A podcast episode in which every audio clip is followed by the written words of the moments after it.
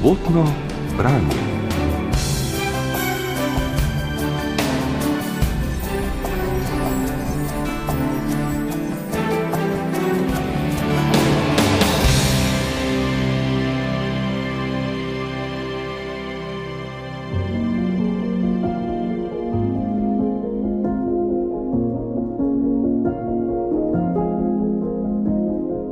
Dragi poslušalci in poslušalke, dobrodošli v oddaji Sobotno branje.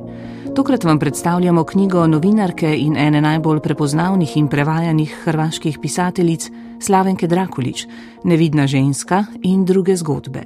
Išla je pri založbi Beletrina, prevedla jo je Mateja Komel Snoj, uredila pa Tina Vrščaj. O knjigi sem se pogovarjala z urednico. Nevidna ženska in druge zgodbe je že deseta knjiga eh, Slavenke Drakulič, ki je prevedena v slovenščino. Se pravi, to je že kar znaten opus tudi v našem prostoru, ampak ta, ki je sicer iz leta 2018, mm, se mi zdi zelo pomembna. Sploh ne samo za ženske, ampak eh, nasploh za družbo, kajti eh, Slavenka Drakulič se ukvarja, razmišlja temeljito in globoko o ženskem telesu, ki z leti bledi, in na zadnje postane nevidno. Zakaj eh, mislite, da je ta tema, pa tudi, ne vem, skozi njene oči, ker ne vem, se mi je zdelo skozi branje zgodb, da je seveda tudi marsikaj autobiografskega tukaj, ne? Sploh poglavje, recimo, ko um, opisuje, kako je 4. marca umrla mama, kakšno na ključje tudi danes, ko gre ta vdaja v eter, smo pravzaprav 4. marca. Kaj bi rekli o tej uh, knjigi, o tej pomembni knjigi Eh, za našo družbo, o staranju, o minevanju, o tem, kako so ženske eh, še vedno drugače tretirane v družbi, njihov vides, etc. Kaj bi rekli? Je ja, to kar eno zelo kompleksno vprašanje. Zelo kompleksno in zelo na dolgo, ampak ima več čas. Tako. Pri Slavenki Drakulič mi je zelo všeč kako se ona v bistvu takih kompleksnih tem, kot je v tem primeru staranje, loteva na tak, na nek način, preprost način, uh, skozi intimne zgodbe. Ne? In to je v bistvu tisto polje, kjer se pravzaprav vsi prepoznamo potem. Ne? Uh, zelo dobra je v tem, da pravzaprav uh, te plašče uh, slači in pride do samega bistva človeka, tistega bistva kjer smo pravzaprav vsi enaki, ne, ranljivi. In ne samo ženske, ne, tudi moški dejansko, tudi uh mhm. -huh. moške opisuje. In uh, ja, lahko da se poznajo neke specifike pri moškem staranju, pa ženskem staranju, ampak še vsem mislim, da v osnovi gre pa za podobne stvari. Ne. In sicer za stvari, uh, ki nas lahko težijo tudi že od mladih ali pa celo že od otroških let. Ne. In sicer uh, strah pred minljivostjo ne, in smrtjo. Izjemno relevantna knjiga, napisana na tak estetski privlačen način v njenem slogu. Iz večjih poglavij sestavljena je 16, ne? Tako 16 zgodb je to, uh -huh. ja. Uh, vse na isto temo. Nekatere imajo prvo osebno pripovedovalko, druge tretje osebno. V nekaterih imamo izrazit občutek te autobiografskosti, ja, ne, da um, pisateljica pač piše res iz sebe. V nekaterih si morda tudi izmisli kakšno peripetijo. Ja. So pa res vse povezane s tem občutkom kako krhek je človek in kako z leti pravzaprav um, ga telo izdaja, pušča na cedilu. Mm, zanimivo je to, ko pravi v tej prvi zgodbi, ki jo otvori, ne, knjigo otvori zgodbo eh, Nevidna ženska, nosi naslov. In piše tam o tem, ne uporablja sploh, mislim, da takrat, eh, ko zgodbo razvija, ni uporabila besede staranje. Pravi, da je to proces, ki je sprva povsem počasen in skoraj neopazen. Ne v nekem trenutku pa začne postajati če dalje hitrejši in šele takrat opazite, morda zato, ker ga opaža že kdo drug, potem pa skoraj nenadoma postanete stari. Torej, kdaj sploh trenutek, ko človek se zave oziroma opazi, da se stara. To je tudi stavek na, na hrbtu, ne na hrbtišču knjige pravzaprav, ali sploh obstaja trenutek, ko lahko rečeš, tako pa sem se postaral. Ja, najbrž je pri vsakem to drugače. Ne? Že v mladih letih pravzaprav lahko imamo take trenutke, ko se zavedamo, kako leta tečejo. Ampak pri njej je bil ta trenutek, uh, tudi na pogovoru v Cankarjevem domu, je povedala, da je pač resnično doživela to in da marsikatera ženska, s katero je govorila, tudi to doživi. In sicer, da se je dejansko videla v ogledalu, tako kot opisuje uh -huh. v mhm. prvi zgodbi, ne sebe, ampak tujko. Uh mhm. -huh. Videla je neznanko, videla je pač zgubano žensko, sivo laso žensko, postarano telo, postaran obraz, uh, s čimer se ni istovetla. Ne? Se pravi, ona od znotraj večkrat to povdari, yeah. Ja. oziroma njene junakinje ali pa njeni alter egi, uh, se čutijo drugače od znotraj. Ne? In to je ta zanimivost, se mi zdi, da se mi počutimo še vedno lahko mladi, od znotraj se ne staramo tako zelo s časom, kot pa. Se telo spreminja. In potem pride do te diskrepance, kako vidimo sebe in kako nas vidijo drugi. Ja, drži, to pa se spomnim, da je že Oscar Wilde o tem pisal in rekel, ne, um, kakšna tragedija oziroma komedija je to, da se telo stara, duh se pa mladi. Ne? Ja. Recimo. V, v to smera ne, gre tudi naša podoba. Ampak ne kot pravi Slavenka Drakolič, takoj kot te drugi ljudje nehajo opažati, tudi same sebe ne vidiš več. To mi je zanimiv stavek. Ja. Ta odsevanja, Tako junakinje so zelo bremenjene s tem um, in junaki, kako jih vidi okolica, kar se vidi recimo v tisti zgodbi v trgovini. Kakšen slab občutek je, ko prideta ona pa mož uh, kupovati ne, neko obleko zase, um, kakšna negotovost glede tega, kaj si zdaj misli prodajalka, ne, v smislu, um, zakaj pa pač ta dva človeka sploh še rabta nove obleke ali pa se najbrž nimata denarja za nje. In skratka, strani prodajalke čuti ali pa čuti ta neko ignoranco, recimo temu. Ampak ja, seveda je pa to tudi lahko nekaj zelo subjektivnega, ne? lahko da ja. to tudi projiciraš na druge. Veliko krat to počnemo, ja. Uh, veliko krat tudi nezavedno, ja. največkrat najbrž. Uh, v knjigi je tudi zgodba, ki nosi naslov Pospravljanje, kjer govori o svoji mami, kot sem že omenila prej, je uh, umrla prav na 4. marca, zgodaj zjutraj piše v bolnišnici, prav tam, kjer ni hotela in odpira še eno to polje, ne, recimo veliko uh, starejših um, zdaj umira samih, v bolnišnici ali pa, ne vem, v domu za ustarele, za upokojence. To poglavje, ta zgodba je pravzaprav kar eh, pretresljiva, ne, ker eh, je tudi tako prežeta zelo um, z obžalovanjem, da ni bila prisotna ne, v trenutkih, ko je mama recimo kaj um, potrebovala ali pa ko ste že omenili prej prodajalko ne, in nakupovanje, ne ravno to mama njena je bila zelo rada, je imela lepe stvari okoli sebe in je veliko pomenilo, da je bila urejena, naličena, lepo oblečena. Um, tudi ko je bila že stara, se je naličila, ne? celo v bolnišnici se je ličila ne? in da tega nikoli ni prepoznala, kako je pomembno za njo. Pa veliko krat je to in vedno je izstopala in govori tudi o tem potem morda zgodba, kako ženske, ki izstopajo, ne? v bistvu nikoli zares potem niso sprejete. Ne? Morda to velja za ženske bolj kot za moške. A se vam zdi? Rekla bi, da je od primera do primera različno, uh -huh. ne bi si upala zdaj posploševati. Um, tukaj, kar se tiče njene mame ali pa tega, kar opisuje v zgodbah, no, v odnosu do mame, je to en zelo ambivalenten odnos. Uh -huh. Seveda je tukaj v osnovi neka ljubezen, naklonjenost, veliko je tudi od nje prevzela, tudi sama oziroma ta alter ego avtorice ne, se liči in mu veliko pomeni pravzaprav vides, ne lepota. Ampak ta odnos je ambivalenten, ker pravzaprav ja, ona sama ne obišče mame prav pogosto v tem domu in se zaveda, ja, da premalo se v resnici zanima za njo, ker je pravzaprav mučno jo gledati, starati se. Ne. To je pa pač nekaj človeškega, kar Slavenka Drakulič razkrinkava ne? in to se mi zdi fino. Ne predstavlja njega idealističnega, plemenitega odnosa, ampak pravzaprav ta človeški odnos, ko smo pravzaprav tudi sebični. Ne?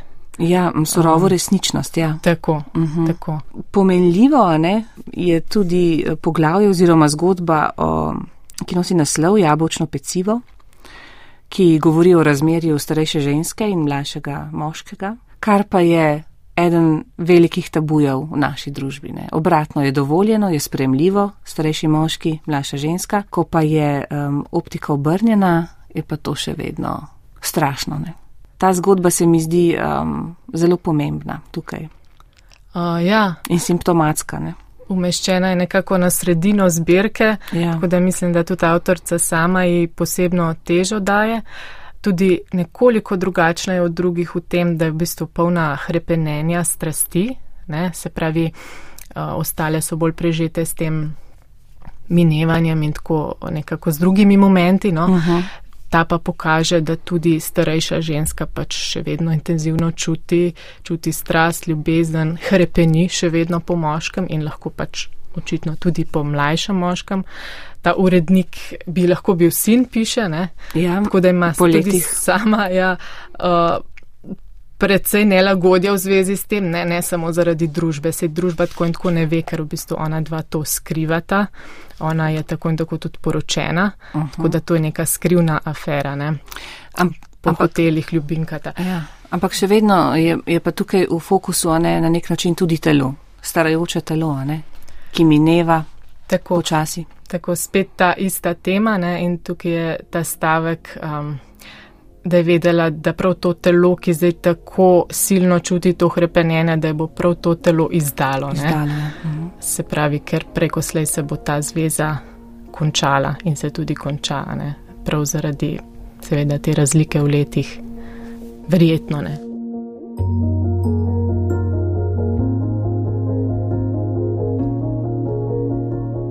Njuna razlika v letih jo kdaj pa kdaj zmede. Včasih, ko ga po dolgem času zagleda, začuti skrb, materinsko skrb, ki ne spada med njiju. Išče znamenja utrujenosti ali bolezni, nekaj, kar bi razkrilo več o njem. O sebi nerad govori. Nekaj mehkega je v njem, skoraj otroška ranljivost zaradi bolezni, ki jo je preživel v mladih letih. Brez razloga si ga predstavlja kot dečka, priklenjenega na posteljo s knjigo v roki. Potem teče, igra nogomet, želi biti tak kot drugi fantje v šoli in premaga bolezen. In se mu posreči. Njegove mišice športnika se v obrisih kažejo izpod obleke. Ni več deček, toda ostala je ranljivost, ki jo dobro skriva. Vznemirljiva mešanica dečka in moškega, ki se je bo na vides po naključju dotaknil z ramo, ali pa se bo nagnil k njej, da bi preusmeril njeno pozornost, nekako besedo v tekstu.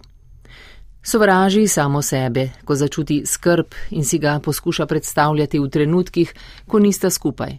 Tako kot sta zdaj za mizo v kavarni, s krožnikom jabolčnega peciva in kozarcema belega vina pred sabo. Za njiju ni drugega časa razen tega in ni drugega kraja razen te kavarne, ki se v poznem zimskem popovdnevu ne zdi več mračna. Ko sedi z njim za kavarniško mizo, je scela tam, osredotočena nanj. Njegovega glasu sploh ne posluša več. Sliši ga samo kot oddaljeno šumenje. Pomembna sta samo njegova navzočnost in vznemirjenje, s katerim jo navdaja. Pomemben je le čas, ko sta skupaj. Želi si ga, želi si biti z njim, vendar ne stori ničesar, da bi ga pritegnila. Le z vsakim srečanjem se vse bolj zaveda, da se je spremenila. Mladenič na drugi strani mize jo znova spreminja v žensko. Dovolj je, da jo pogleda in se ji nasmehne. Z nasmehom jo osvetli, naredi vidno. Čudovito in vrljivo ogledalo je, ki ima moč, da ji pokaže drugačno sebe. Ve, da je to krivično do moža, s katerim bo čez pol ure sedla za mizo in odsotno poslušala njegov znani, pomirjajoči glas. Pomirjajoči glas, to je razlika med njima. En glas jo pomirja, drug jo vznemirja. Kadar je v družbi tega mladeniča čuti, da se njeno telo obnaša, kot bi imelo svojo lastno voljo, preteklost nenadoma izgine. Vse, kar sicer sestavlja njeno življenje, postane nepomembno in v tistem trenutku obstaja v eni sami razsežnosti. Imajo v oblasti. Prepuščena mu je na milost in nemilost. Ko se iz kavarne vrača domov, včasih v njej zazeva grozljiva razpoka. Živi kot vedno, hodi na delo v založbo in ko se vrača domov, se ustavi v trgovini ter potem skuha večerjo. Čisti stanovanje, obeša oprano perilo, odnaša smeti in preoblači posteljnino. Vse dokler sredi katerega od teh opravil ne začuti tako silnega hrepenenja po njem, da mora nujno nekam sesti ali se nasloniti na steno. Prestrašena zaradi občutka, da sama sebe ne pozna.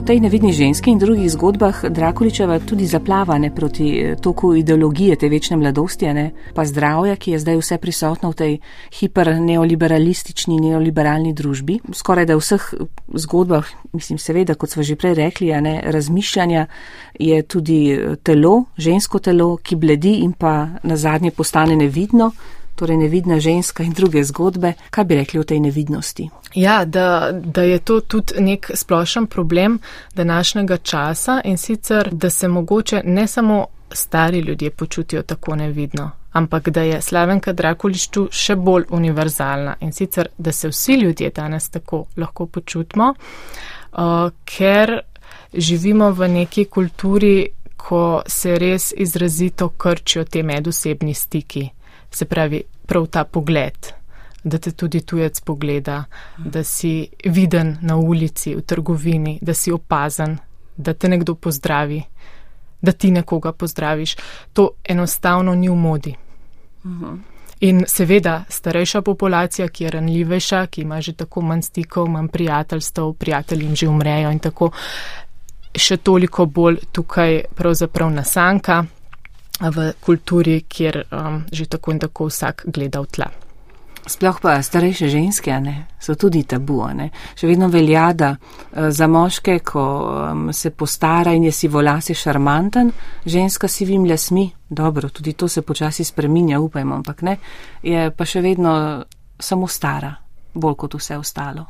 Ta ja. večna mladost, kanoni lepote, neki se lepijo na žensko, so drugače zahtevni kot za moškega morda? Um, zagotovo so razlike um, in mogoče tu je tudi kanček nepravičnosti, lahko kanček grenkobe, ampak vendarle, um, ja, ženska je v svojem rodnem obdobju pač um, še izrazito s tem pravzaprav identificirano. In potem, ko gre v meno in ne, ko ni več tega, postanejo druge stvari prioriteta. Ne? Zdaj pa je odvisno od vsake posamezne ženske, ki ima prav take možnosti kot moški, kaj uh, bo počela s svojim življenjem. Ne? Ker tukaj jaz mislim, da na staranje um, ne bi smel gledati tako skozi to vizualno optiko, da pravzaprav. Je treba gledati v notranjost ne, človeka in, in ta notranjost se bogati. Ali pa tako, kot ste prej Valdo citat omenili, mogoče celo mladi, postaja lahko boljša, konec koncev. In um, v tem je neka vrednost, ki je za moje pojme precej pomembnejša od samega videza, ki pač ja, se razkraja in to je boleče in tako, ne? vse propada, vse mineva, pa vendarle. Je rešitev za družbo in za posameznika, da vidimo onkraj tega videza, Vsakdo se lahko tudi na kameri pokaže star tak, kot je in to je treba sprejeti in videti onkraj tega, v to, kaj ta človek je po svojem bistvu, kaj govori, kaj zna, kakšne izkušnje ima, kaj nam lahko pove o preteklosti in tako. Ne. Zato vidim veliko vlogo pač starejših ljudi v družbi in je treba pravzaprav gledati, kako bi rekla, so človeka globinsko, ne, ne pa soditi po videzu. Ko smo ravno pri staranju, ja, mi pride na misel pisateljica in filozofinja Iris Murdoch, s katero sem se ukvarjala za diplomsko nalogo. Ona je bila res um, pač velika romanopiska, no, dobila je tudi Bukarja in tako napisala na desetine romanov, uh, filozofske knjige, skratka, ne, velika osebnost. Potem pa je pač na stare leta dobila Alzheimerjevo bolezen in je bila tako rekoč zelo degradirana. V tem pa piše tudi njen mož John Bailey, pa potem je bil posnet tudi film Iris, vreden ogleda. Prav ganljivo je recimo, kako opisuje, kako je se pravi ta ženska, ki je bila prej tako pametna, ne, tako pomembna, zdaj bila enostavno izgubljena, brez spomina ne, in prestrašena. In edino, kar jo je pomirilo in potolažilo, so bili jutranji telebajski na televiziji. To o tem, kako. Um, Ja, kako te lahko dejansko starost, še posebej tudi ta izguba spomina, pravzaprav degradira, ne? ti vzame identiteto, ti vzame tvoje bistvo, tvoj jasne in kar je mogoče še bolj naporno, pa tudi za tistega, ki živi ob tebi uh. takrat. Se pravi, nevidna ženska in druge zgodbe je pravzaprav knjiga za vse, ne? Kaj ja, bi rekli, ja. za koga je vse dragocena? Se strinjam, se strinjam. V prvi vrsti gotovo za starejše ženske, ampak um, takoj na to bi rekla, da za vse, tako za ženske kot za moške in predvsem tudi za mlajše, um, sej pravzaprav se vsi preko branja urimo v nekem sočutju.